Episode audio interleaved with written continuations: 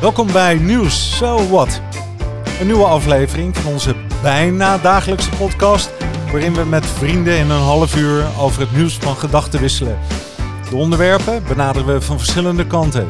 Met creativiteit, soms verwondering, maar zeker in vrijheid. Zo kun je je eigen mening vormen. En dat mag. So what? Zo, het is vandaag eh, woensdag. En wat een dag, hè? Och man.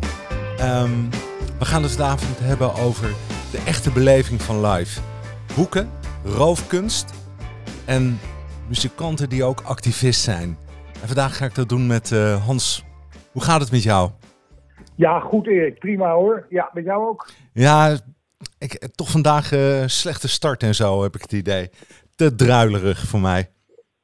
Ja, ja, ja, het is, ja, omdat we ons herinneren hoe het ook kan zijn. Hè? Maar ja, in deze tijd is het al zo lang zo slecht. En dan met die hele opsluiting erbij, daar word ik niet allemaal vrolijker van. Ik kan me dat goed voorstellen.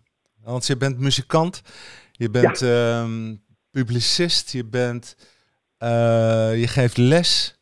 Uh, je weet mhm. alles van muziek. Een, een ware jazzliefhebber ook. En um, het eerste waar ik aan dacht, Hans, daar moeten we het over gaan hebben. Ja. Hoe is dat nu als er geen live is? Als je niet ja, kunt dat optreden? Is, uh, dat is heel erg. Dat is heel erg. Kijk, het is natuurlijk het, het, het, het, levensbloed van een cultuur, is dat die gezien kan worden, gehoord kan worden, gevoeld uh, kan worden door andere mensen. En dat is de tweede kant van de zaak. De eerste kant is natuurlijk de mensen die de kunst maken of iets te zeggen hebben. Laat het maar even breder trekken. Als je, als je, die, als je dat bericht niet kwijt kunt, dat is, dus, dat is, uh, dat is heel erg. Ja. Begrijp je? En, en natuurlijk ook hè, de mensen aan de andere kant die geen voorstellingen meer kunnen zien, die geen schilderijen meer kunnen bekijken, die geen muziek meer kunnen horen. Maar als muzikant is het. Uh, uh, ja, ik, ik, kijk, mijn eerste neiging is om te zeggen. Hè, ze zeggen altijd: intelligentie is de, is de mate waarin je jezelf kunt aanpassen aan veranderende omstandigheden. En al mijn collega's en ik doen dat natuurlijk. Je probeert er het beste van te maken. Dus er zijn allemaal, uh, hoe heet het, uh, pogingen om het op internet te doen en dat soort dingen. Maar ja, jij weet natuurlijk ook dat dat is niet hetzelfde als live. En wat je dan als kunstenaar toch doet, is vooral moeten zorgen dat je je vak bijhoudt. Kijk, als je een ander, nou ja, ik weet niet of dat voor, ik, dat, ik neem aan dat dat voor andere vakken ook zo is, maar ja, muzici moeten in ieder geval hun vaardigheid bijhouden. Dus dat, hè, die, die, die, hebben niet zo, die studeren sowieso uren per dag. Maar ook als je dus s'avonds niet moet spelen, moet je wel blijven studeren. Ja. En, en lukt je dat?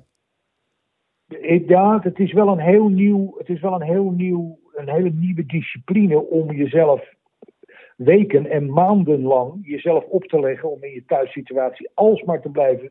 Het is alsof je een cadeautje alsmaar aan het inpakken bent wat je niet gaat weggeven, weet je wel? Ja, oh ja, Oeh, dat kan ik me voorstellen. Hè? En je bent dus net als je een cadeautje maakt voor een ander. Hoe snel wil je niet bij Sinterklaas dat ze jouw cadeautje als eerste pakken om te kijken wat je gemaakt hebt, hoe een ander erop reageert. Hè? Ja, het dat is bij Japanners. Het gaat bij het cadeautje vooral om hoe het is ingepakt. Dus je bedenkt allerlei manieren. Je verdiept je steeds meer in dat inpakken. En hoe doe ik het nog mooier en nog sneller. Terwijl je op de achterkant weet dat je het niet gaat weggeven. Tenminste, niet nu, weet je wel. Ze hebben het over uh, vijf stappen om uit de huidige lockdown te komen. Um, althans, een stuk in de NRC uh, schreef erover. Uh, uit een interne notitie. Ja. En onder andere gaat het dan over, wat van toepassing is op jou, hè, met name over je vak, de experimenten met sneltesten bij evenementen die volgende maand moet plaatsvinden. Zie jij, denk je dat daar hoop is? Is er hoop? Hoop is er altijd en ook als die er niet is, moet je hem wel hebben. Uh, maar ik geloof nooit dat we volgende maand. Ik, kijk, ik zal blij zijn als in de zomer weer die festivals op wat voor manier dan ook gaan draaien. Maar voor de zomer zie ik niet, zie ik niet terugkomen wat we hadden. Ik zie überhaupt niet terugkomen wat we hadden, althans niet in die vorm. Want ik geloof dat dit ook aan de, aan de, aan de, aan de aan de structuur van, die eronder ligt voor ons om concerten te hebben en dat soort dingen, dat, daar ook, dat dat ook een wezenlijke opdonder gaat heeft. Dat geloof ik echt. Ja, niet, niet voor het concertgebouw en zo hoor, dat zal alweer gaan draaien. Maar voordat dat echt weer op stoom is, dat gaat heel lang duren volgens mij. Ja, een bandje in een café. Hè?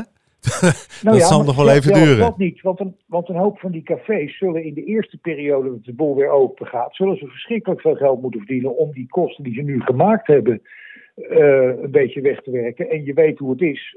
Uh, muziek komt dan al, is dan altijd een sluitpost, weet je wel. Ja. Nou, een familie van mij zit in de horeca. Ja. In een conferentiehotel. En als ik dan zie hoe ze zich iedere keer weer opladen. Hè, ieder sprankje hoop, uh, dat grijpen ze aan om, hè, om weer toch een beetje open te gaan. Of weer met het volgende uh, innovatieve businessplan aan te komen. Ja, het maar is gewoon, moet je anders? Het is, ik, heb, ik bewonder ze enorm. Hè, hoe ze daar in die strijd zitten en, en iedere keer zichzelf moeten opladen om uh, weer te hebben. En iedere keer ze hoop. Maar hè, de, de, ze verwijten het kabinet toch ook dat er geen uh, perspectief geboden wordt. Hè? En ja, ik, Kijk, als ik, als ik nou op televisie kijk wat die Amerikanen op het moment overkomt, hè, dat is helemaal niet te geloven. Dat gaat, dat gaat natuurlijk over geen geld maar ook over die corona en dat soort dingen. En dan heb ik wel bewondering voor de flexibiliteit van Amerikanen die, die eraan gewend zijn om als je op de grond valt, stof je jezelf af, sta je op, begin je weer opnieuw. Weet je wel? Ja. En, en daar heb ik inderdaad, net als jij voor je familie met, die, met dat hotel, daar heb ik dus enorme bewondering voor. De mensen die dus tegen de stroom in. Alsmaar zeggen, kom op, we gaan wat anders proberen. En kom op, weet je wel. En uh, ja, dat vind ik wel een hele goeie hoor. Maar toch, gaat het zijn, uh, toch is er een, uh, betaaltijd hè, van dit. Hè? Want dit kun je niet ongebreideld blijven doen. Hè? Want het, het, het, ik denk ook dat, en dat zeggen ze, dat, dat angst, hè? want dat, het wordt nou natuurlijk allemaal aan de ene kant hoop, aan de andere kant gevoed door de angst hè? van een of ander onzichtbaar iets, maar ook de angst om je bedrijf te verliezen. Ja. Um, dat dat ook nog eens een keer extra slecht is voor je immuunsysteem. Hè? Angst, dat, dat, is een, dat is een slechte raadgever. Hè? Ja, dat, is stress. stress, stress ook. Hè? Stress en weet ik veel wat. Dat zijn, dat zijn natuurlijk altijd allemaal niet gezond voor je. En, en, en dat opgesloten zitten is ook niet gezond. Geen outlook hebben over hoe je toekomst eruit gaat zien. Of je huur wel kan betalen. Of je kinderen nog wel naar school gaan. Ik bedoel, dat, dat zijn natuurlijk dingen die wegen zwaar op je. En, en dat zal ongetwijfeld uh, op allerlei manieren tot uitdrukking komen. In, in, de, in de weerbarstigheid van je immuunsysteem, in, de, in, in je bloeddruk, bij wijze van spreken, weet je wel. Dat, dat, ja, dat geloof ik wel. Ja. een mooi product van onze cultuur, dat zijn natuurlijk de boeken en de schrijvers. En die daarmee aan uh, hun geld verdienen. Maar ook de mhm. boekhandels. En dan denk ik, oh oké, dat gaat ook weer dicht.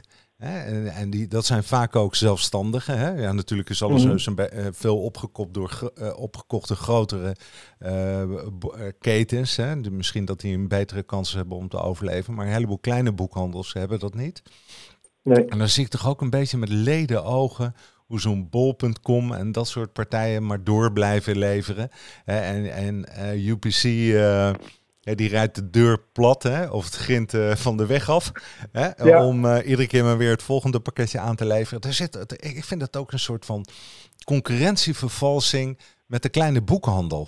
Hoe, hoe kijk jij daar tegenaan? Nou, het, het, het, boekhandel heeft een belang. Ik heb een hele grote boekenkast en ik heb eens een keer iemand gesproken die zei: Ja, ik begrijp niet waarom je dat hebt. Alles staat toch op internet. Dan zijn er een paar dingen die je uit het oog verliest.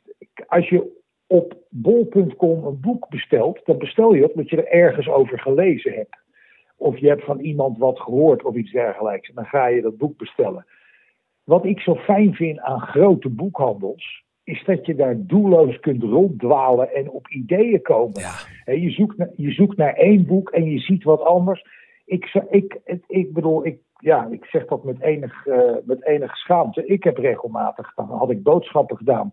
En dan kwam ik langs de slechte en dan ging ik naar binnen om drie uur. En dan werd er op mijn schouder getikt: meneer, we gaan over een kwartier dicht. Wilt u uw spullen pakken? Of ik werd uh, erop geattendeerd omdat de inmiddels ontdooide deelblokje spinazie zo was gesvolpen dat ik in een groen plasje zat, weet je wel. Ja.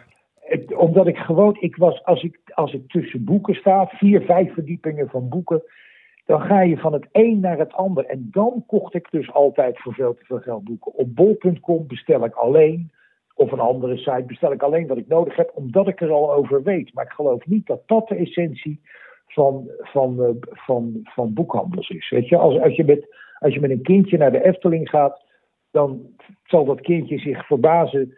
Niet omdat je vertelt dat van nou, er is daar iemand met een lange nek, maar omdat je elke hoek die je daar omslaat, zie je weer dingen die je nooit gedacht had als je daar niet naartoe was gegaan. Ja. En dat is met een, en dat is met een boekhandel natuurlijk precies zo. Ja. En ze hebben ze in Duitsland wel weer open gedaan, want daar werd gezegd: boekhandels, dat zijn de, dat zijn de opslagdingen voor de geest. Hè? Die de Duitsers en zo en Engelsen Ja. en Fransen, die hebben, die hebben, een, die hebben een, wat, wat dat betreft een respect voor hun cultuur dat we hier niet hebben. Hmm. Die geven veel meer, die krijgen veel meer subsidies. Hè?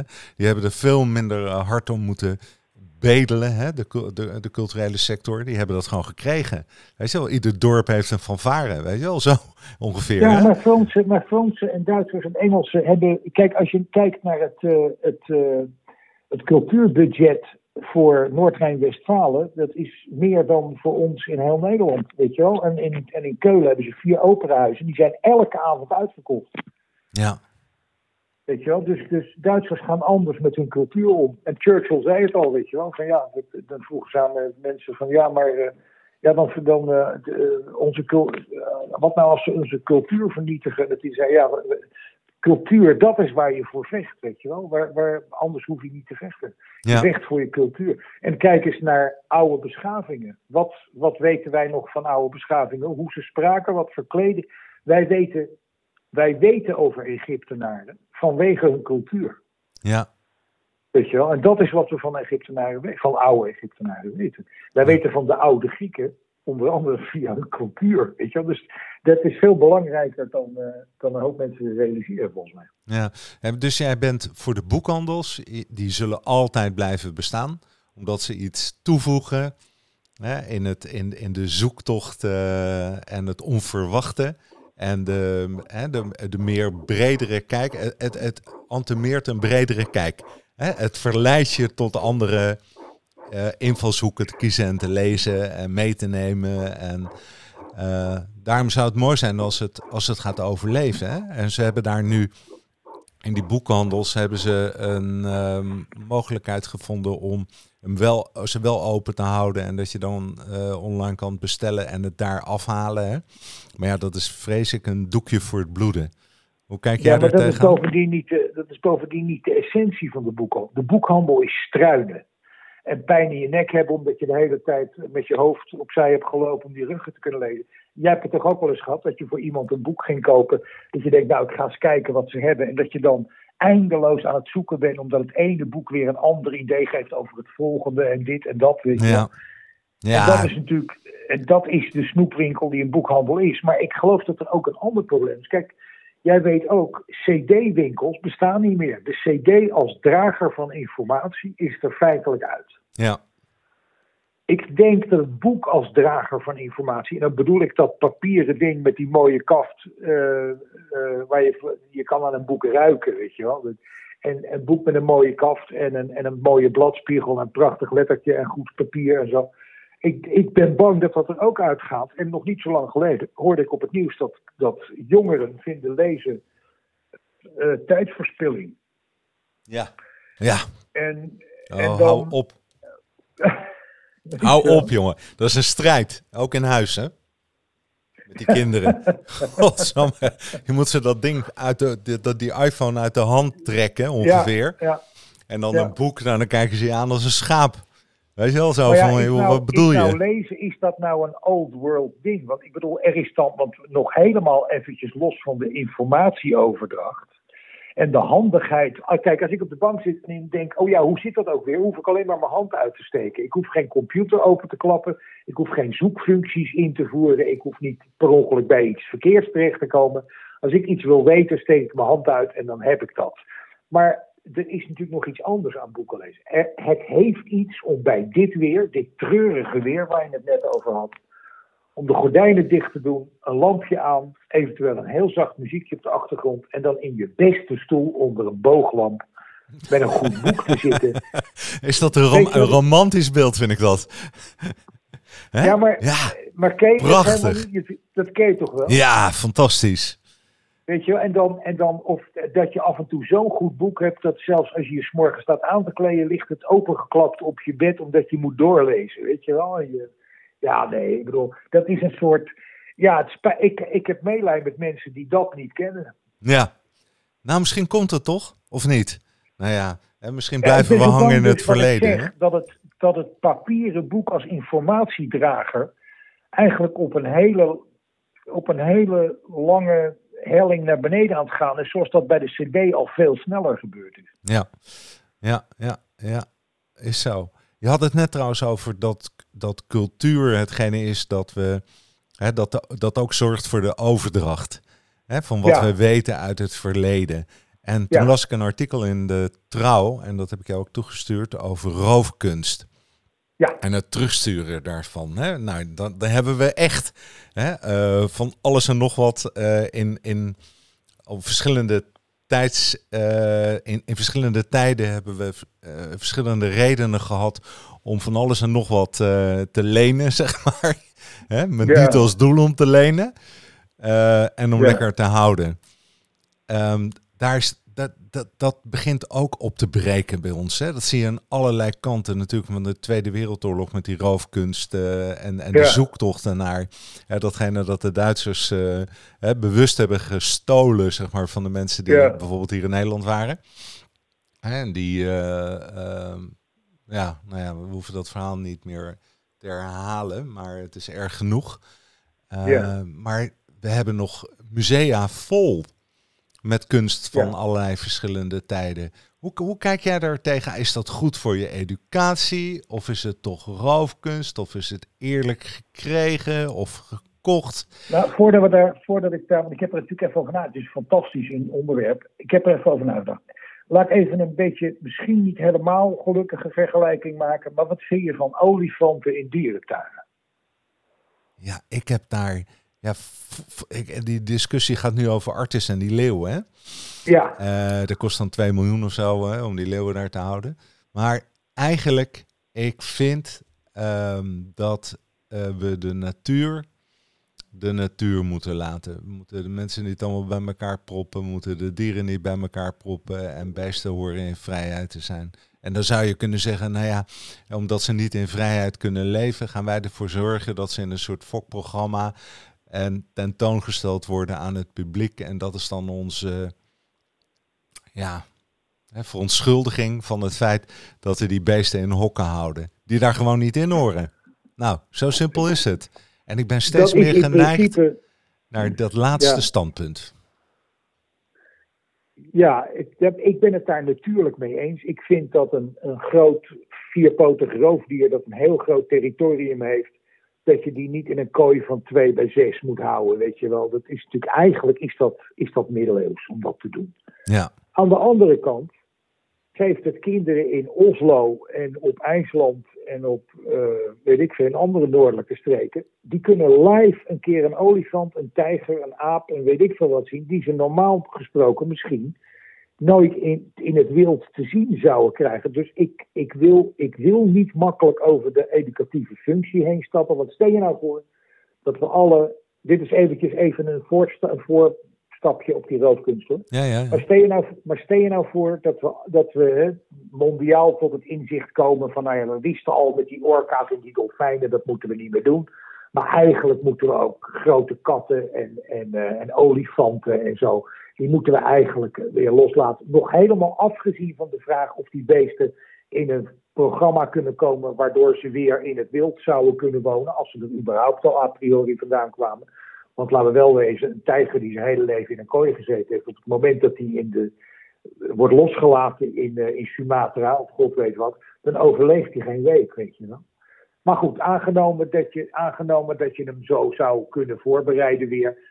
En we, en we komen daar allemaal achter dat we dat moeten doen. En we doen het. En dat wordt een soort mondiale beweging. Stappen we dan niet over onze educatieve functie heen? Of zeg je dan, ja, dan moet je maar op schoolreis naar, eh, naar, eh, de, naar Sumatra of zo, weet je wel? Ik vind dat. ehm ehm, hè, want er komen miljoenen bezoekers. Hè? En bijvoorbeeld Artis, dat is een, een, een, wereldberoemd, eh, een wereldberoemde dierentuin in Amsterdam. Eh, nou ja, dat het wereldberoemd is, dat zegt me niet zoveel dan. Hè? Want waarom moeten die mensen naar Nederland komen uit Japan Ja. om hier naar een dierentuin te gaan? Hè? Weet je, dat, dat, dat, dat zegt me dan weer niks. Ja. Maar ik vind wel het educatieve deel Uh, dat is natuurlijk uitermate uh, hè, belangrijk. Uh, maar ehm, kijk, als het nou een beschermde diersoort is, het, of het, het, het, kan in een soort van hè, kweekachtige omgeving terechtkomen om zichzelf voor te planten. Neem die panda's. Hè, Bijvoorbeeld die dan met veel fanfare hier in Nederland worden gehaald. Uh, En vervolgens een fokprogramma ingaan. En dan komen er één, twee bij. Nou ja, weet je wel, daar kan ik me nog wel uh, in vinden. Ik, ik denk, nou ja, dat, dat, dat geloof ik dan nog wel. Hè, maar het is uiteindelijk voor, voor vermaak. Hè? Want waarom zou je een dier moeten zien in echt om erover te leren en te weten? En als je het dan zo interessant vindt, dan ga je een keer naar China toe. Ik noem maar iets hè, over die panda's en over de leeuwen ook. Hè. Dus ze zijn tegenwoordig. En we hebben zo de mond vol van technologie. En virtual reality en 3D-animaties. Eh, uh, dus er zijn, en we hebben video's, foto's. Nou, we, we, hebben alle mogelijke uh, audiovisuele hulpmiddelen tegenwoordig. Er staat hologrammen zelfs. dus, dus dat zou niet in de weg hoeven te staan om toch de beleving van een echt dier te hebben. Ja, maar dan is er natuurlijk, dan krijg je wel weer wat anders. Dan is het hetzelfde als iets op een plaat horen en zeggen dat is precies zoals bij het concert, maar je wilt toch bij het concert zijn, weet je wel. Je wil een olifant ook live gezien hebben. De, weet je, op, op drie meter er vandaan. Je wil een giraf echt in proporties een keer naast je hebben staan, weet je wel. Om, om, om te begrijpen wat het is. Je zou het ook in. Dus ja, ik, daar ben ik gevoelig voor. Ben ik gevoelig, dat zeker als je het eh, vergelijkt met de optredens en muzikanten en live. Eh, daar begrijp ik helemaal waar je vandaan komt. Uh, maar ik vind het aan de andere kant. Uh, ja, ik heb een heleboel artiesten waar ik nooit naar live heb kunnen luisteren. Hè? En ik, toch heb ik ervan genoten. Hè? Door, op het, uh, door de CD's te beluisteren en naar videoclips te kijken. Ja, dus het heeft me wel wat gebracht. Maar ik vind dat het meer een soort van entertainment is voor het hele. met je vrienden je, gaat, je gaat samen ga je naar een concert toe. Je gaat samen naar een, een beleving toe. Je, je, je voelt de creativiteit van de ander. Of de energie van een ander. ik, kan, ik vind dat kan je toch niet helemaal vergelijken met of ik naar een dierentuin ga. Ik vind dat er zit toch wel iets anders in. Nou ja, het verschil, of het, de overeenkomst zit er voor mij in dat als je iets kunstmatig uit de tweede hand ziet en je hebt een één keer een besef gehad van wat voor een magere afspiegeling dat van de realiteit is, dan ben je voor, je, e-, dan ben je voor eeuwig mee teleurgesteld, weet je wel. Ik bedoel, ik heb, er zijn, er, zijn wel degelijk dieren, wilde dieren die ik nooit in het wild gezien heb. Of, weet dat, er zullen dieren zijn, die, trouwens die zijn die ik nog nooit in een dierentuin heb gezien, die ik alleen maar van afbeeldingen ken. En er zullen best bepaalde boomkikkers of boktorren zijn die ik nooit live gezien heb. Uh, en dat, uh, dat is jammer, maar dat is dan een keer zo. Maar ik zou me toch mijn leven niet kunnen voorstellen als ik alleen maar op papier of desnoods op een scherm een olifant had gezien, zonder dat die me een keer vanaf twee meter met, dat, met één zo'n groot oog aankeek. Of dat je me een appel geeft, weet je wel. Of dat je naast een giraf staat en je denkt, verrek, die zo groot zijn ze dus. Ja, ja. Weet je wel? En nou, en nou het bruggetje naar die roofkunst? Ja, nou ja, uh, dan krijg je dus uh, het volgende. Roofkunst, laat ik, laat ik eerst mijn standpunt duidelijk maken. Kunst die geroofd is, en dat zit hem al in het woord, moet alleen daarom al terug. Zo, ja. dat, dat is duidelijk. Nou, uh, als je naar de geschiedenis van roofkunst kijkt, dat is van alle culturen en het brengt een zekere. Uh, het is de overwinnaar die de grote stukken meeneemt naar zijn land. Hè, in, de, in de Franse revolutionaire en Napoleontische oorlogen. Weet ik veel, van, van het eind van de 18e tot begin 19e eeuw werd alle kunst naar Frankrijk versleept. Dat, dat is een soort poging om de, de vijand, zeg maar, of om de bezetter te ontdoen van zijn identiteit. Ja, interessant hè? Eh, ja. Ja, dat is heel interessant, want het is namelijk over de hele wereld hetzelfde. Kijk eens naar de koloniale periode. Hè. In 1860, die Fransen, die hebben toen samen met de Engelsen, geloof ik, het oude zomerpaleis in Peking leeggeroofd. De, de Belgen natuurlijk in Congo, hè, het voormalige Zaire. Uh, daar is zo ongeveer alles weggehaald. Niet alleen, niet alleen de kunst, maar ook alle bodemschatten en alles. En nou zitten we dus in allerlei musea met heel veel dingen die niet bij ons gemaakt zijn, maar die van anderen. In Nederland hebben we heel veel dingen uit Indonesië. Ja. Nou, mijn, mijn schoonvader, eh, zijn familie, eh, daar was een knil verleden of iets dergelijks. En toen heeft, toen heeft, de sul, toen heeft een of andere sultan bij de overgave zijn kris ingeleverd. Nou, voor Javanen is een kris, dat is, een, dat is het ding, hè, je symbool van kracht en, en, en power. En wat je dan dus doet, en wat hij ook gedaan heeft, is dat hij, dat hij uiteindelijk die kris heeft teruggegeven. Weet je wel? Dus Ja. dan, dan, dan herstel je iets. Dus eh, we zitten ook in Nederlandse musea. Nou, je weet, er is toen dat ding over Congo geweest. Twee jongens die wat gejat hadden onlangs, omdat ze vonden dat het weer terug moest naar Congo. Ik begrijp totaal waarom mensen hun waarom een land zijn geroofde kunst wil terug hebben. En dat is dan nog, en dat is dan, dat gaat er nog helemaal voorbij aan Joodse mensen die hun kunst zijn kwijtgeraakt door malafide handelaren, wat uiteindelijk met de Duitsers ging. Want dat moet natuurlijk sowieso terug. En, en, en alles wat je daar probeert tegen te houden is kleinzielig en, en, en eh, getuigt van geen manieren. En, eh, weet je wel. Ja. Maar, nou, maar de, de relatie die ik trok met die, met die, eh, met die eh, dierentuin, nou, nou, nou het volgende. Weet je nog die twee grote, die twee grote zandstenen Boeddha-beelden in Bayan, in midden, in midden Afghanistan, die door de Taliban zijn opgeblazen? Ja, ja, ja, ja, ja. Stel je nou eens voor dat de Engelsen destijds hadden gezegd: mooi, dat is leuk voor de British Museum. Die hadden ze losgezaagd en die hadden die beelden naar Engeland gebracht. Nu dat ze in Afghanistan waren en niet zijn geroofd, zijn ze opgeblazen en voor de eeuwigheid verloren. Ja, Als ze in een museum hadden gestaan, hadden we ze nog kunnen zien. Had de wereld ze nog kunnen zien. En Hmm. dan moet je je dus afvragen: van, is dat niet een. Is dat niet. Kijk, ehm, de beroemdste kunstroof, voor zover ik me dat herinner, is, is, is Elgin, hè? Lord Elgin. Zeg je dat wat? De, de Elgin Marbles. Nee. Oh, ik dacht dat het in- oh, in Boston die, eh, die roof was, maar Nee, nee, kunstroof. de, de, Nee, ja? Elgin, de Elgin Marbles, dat is, eh, moet ik even nadenken, eh, eind van de 18e, of eind van de 18e eeuw, begin 19e, precies op dat schrijpunt, rond 1800. Griekenland natuurlijk onder, onder, onder het Ottomaanse Rijk. En toen heeft Thomas Bruce, die de ambassadeur toen was van de Engelsen, heeft van het Parthenon allemaal eh Friese en van die andere reliefs heeft hij afgebroken en meegenomen naar Engeland. Ze daar verkocht. Toen werden ze staatseigendom. En dat zijn dus de mooiste dingen die op, eh, die op het Parthenon zaten. En die had hij er afgehaald. En dat, dat, allemaal, allemaal marmeren dingen. En dat heet de Elgin Marbles. En, het, en het, het, het, het Parthenon is dus niet compleet zonder die dingen. Maar de Engelsen verdommen het onder afstand van te doen. Die, eh, die eh, Thomas Bruce, die ze dus eraf heeft laten halen die, die zegt, ja, ik heb dat gedaan om ze te beschermen tegen wat hij dan noemde Turkish indifference. Want de Turken zouden dat soort dingen nooit eh, op zwaarde weten te schatten. En als er geknokt werd, dan zouden ze misschien wel eens kapotgeschoten kunnen worden of iets Mhm. dergelijks. Dus hij zei, hij zei dat hij iets deed om het te bewaren voor het nageslacht. Maar ja, die Grieken zijn al sinds die tijd bezig om te zeggen, wij willen onze spullen terug. Ja.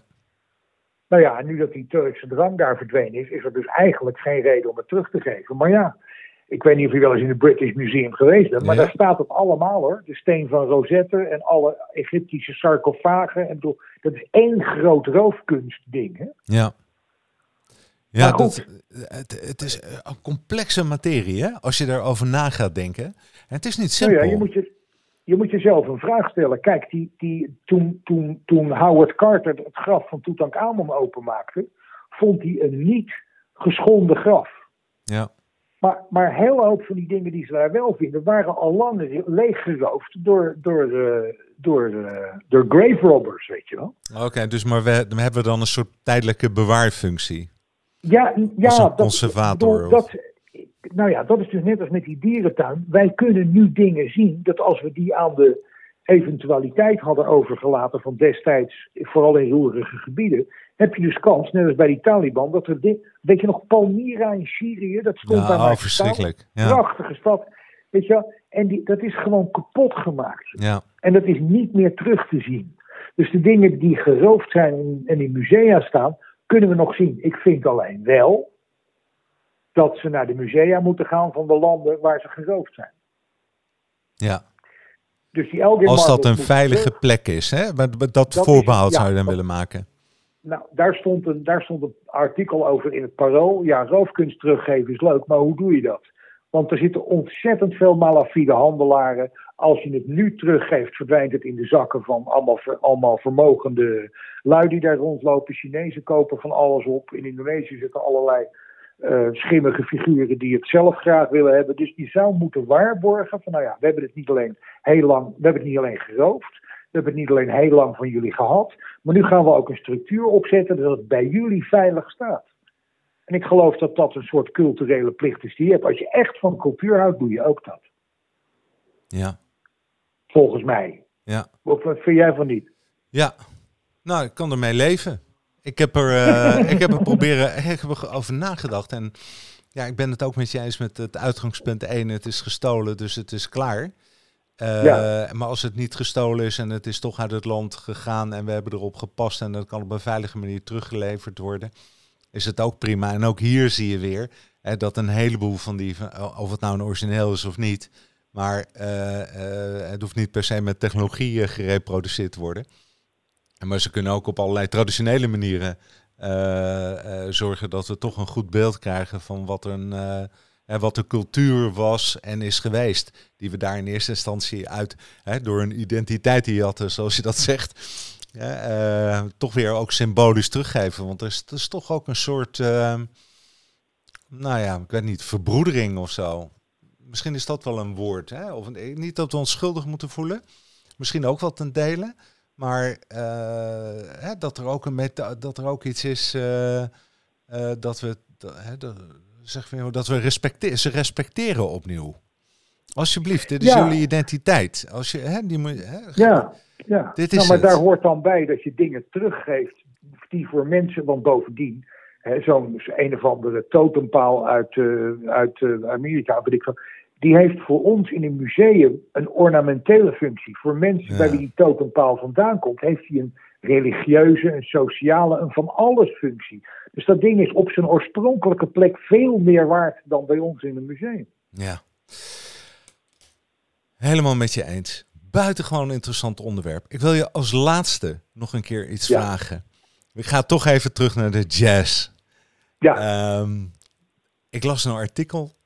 Gwangwa. Hij werd geboren Oh, ja. in Orlando, de oudste wijk van de township Soweto. Ja. En hij begon zijn carrière in de jaren 50. En, en, en dat verhaal gaat zo dat hij zijn eerste eh, bandje maakte en zijn eerste, eh, zijn eerste volledige album opnam. En een repertoire dat ademde eh, veel zaken die het in 1948 aan de macht gekomen apartheidsregime verafschuwden. Hè, Ja. Een afwezigheid van zwart tribalisme, enorm zwarte creativiteit en verfijnde zwarte stadscultuur hebben ze het over. ja. En dan, die man is overleden. En ze, ze zeggen, ehm, en toen, toen kwam ik een zin tegen en toen dacht ik, oh wauw.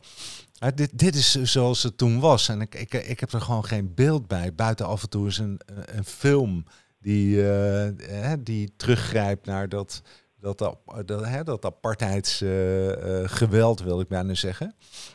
En die zin luidt als volgt. Toch wil de menig witte zwart Afrikaan best op zijn tijd worden vermaakt door jazzklanken. Zolang de zwarte bandleden hun maaltijd halverwege het optreden maar netjes opaten in de dienstkeuken.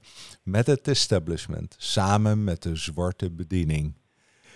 Denk je, dit is zo'n man en, en uiteindelijk wordt er van gezegd, hè, hij was de vrijheidsactivist via de schuiftrompet.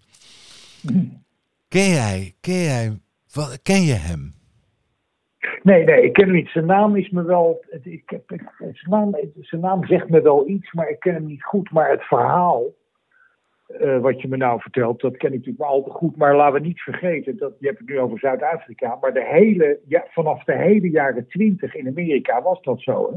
Ja, Zwarte mensen waren aan het spelen in clubs waar ze zelf niet als klant naar binnen mochten. ja, Ik moest eh, met een zwarte eh, tenor in de jaren tachtig een keer spelen op een beroemde business school aan de Vecht. Uh, en hè, dus, hoe heet dat, hoe heet het ook weer? Nijrode. Ja. Nijrode. En die hebben zo'n prachtig kasteel. En we komen aanrijden. En we laden uit. En ineens zijn we onze solist kwijt. En we denken, verrek, wat, waar zou die zijn? En toen vonden we hem op de helling aan de buitenkant van de muur aan het zoeken naar de achteringang. Zei, wat ben je aan het doen? Hij zei, ja, ik dacht niet dat ik hier, dat, dat ik hier door de voordeur naar binnen mocht. Jongen, jongen, jongen. En toen viel, ja. mijn, mond, toen viel mijn mond open, werkelijk. Ongelooflijk. Ja, Weet je wel? zit erin. Weet je wel, hè? En, en, en bedoel, maar in Amerika was dat dus heel gewoon. En, ja, en, het zit in het systeem, hè? Het is... Uh... het, ja, maar, maar laten we niet vergeten dat dat soort, dat, dat soort uh, systemic, systemic racism, zoals noemen, komt in verschillende delen gewoon nog voor. Mensen krijgen geen banen omdat ze zwart zijn, mensen dit, ze, weet je wel. Paul Desmond en Dave Brubeck, die hebben we van gehoord natuurlijk. Ja, ja, zeker. Die uh, wilden gaan optreden en dan speelden voor een universiteit in California. En dat wilden ze eigenlijk niet, want er zat een zwart iemand bij in die band.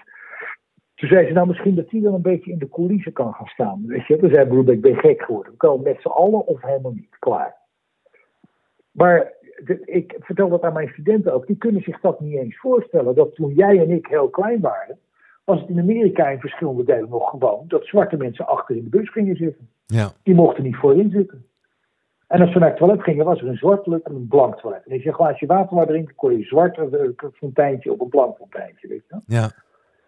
En nou ja, in Zuid-Afrika, uh, ik heb veel met Zuid-Afrikaanse muzikanten gewerkt. Die zeggen ja, en die, dat is natuurlijk logisch dat ze zeggen. Je kunt het racisme wel uit de wet halen, maar je haalt het nog niet uit de mensen. Daar gaan een paar generaties overheen, weet je wel. Ja, ja, ja. Hey, en het is fijn om het is fijn om die mensen op blaasinstrumenten en piano te zien spelen. Want dat zijn normaal gesproken niet instrumenten waar ze makkelijk toegang tot hebben. Ja. Mag ik je dan eens iets vragen, Hans? Ja. Nou eens op, in deze tijd, in coronatijd. En we zijn ja. uh, over tien jaar en we kijken terug naar deze tijd. Zou, de, zou jij dan iemand weten uit, je, uit jouw omgeving die uh, hè, dus muzikant is, die een vrijheidsactivist genoemd zou worden. Die in deze tijd zegt, jongens, corona en we moeten door en die een fantastische song maakt of een compositie of weet jij iemand? Ja, ik geloof dat op onze eigen manier. Kijk, als, er, als iets mensen en een hele hoop dieren met elkaar verbindt, is dat, we, is dat er in ons DNA, om die populaire zin maar een keer te gebruiken, ja. zit altijd die onderscheidende drang naar, naar vrijheid. Of wat, wat de dichter Milton noemt, the known laws of ancient liberty. Iedereen wil vrij zijn.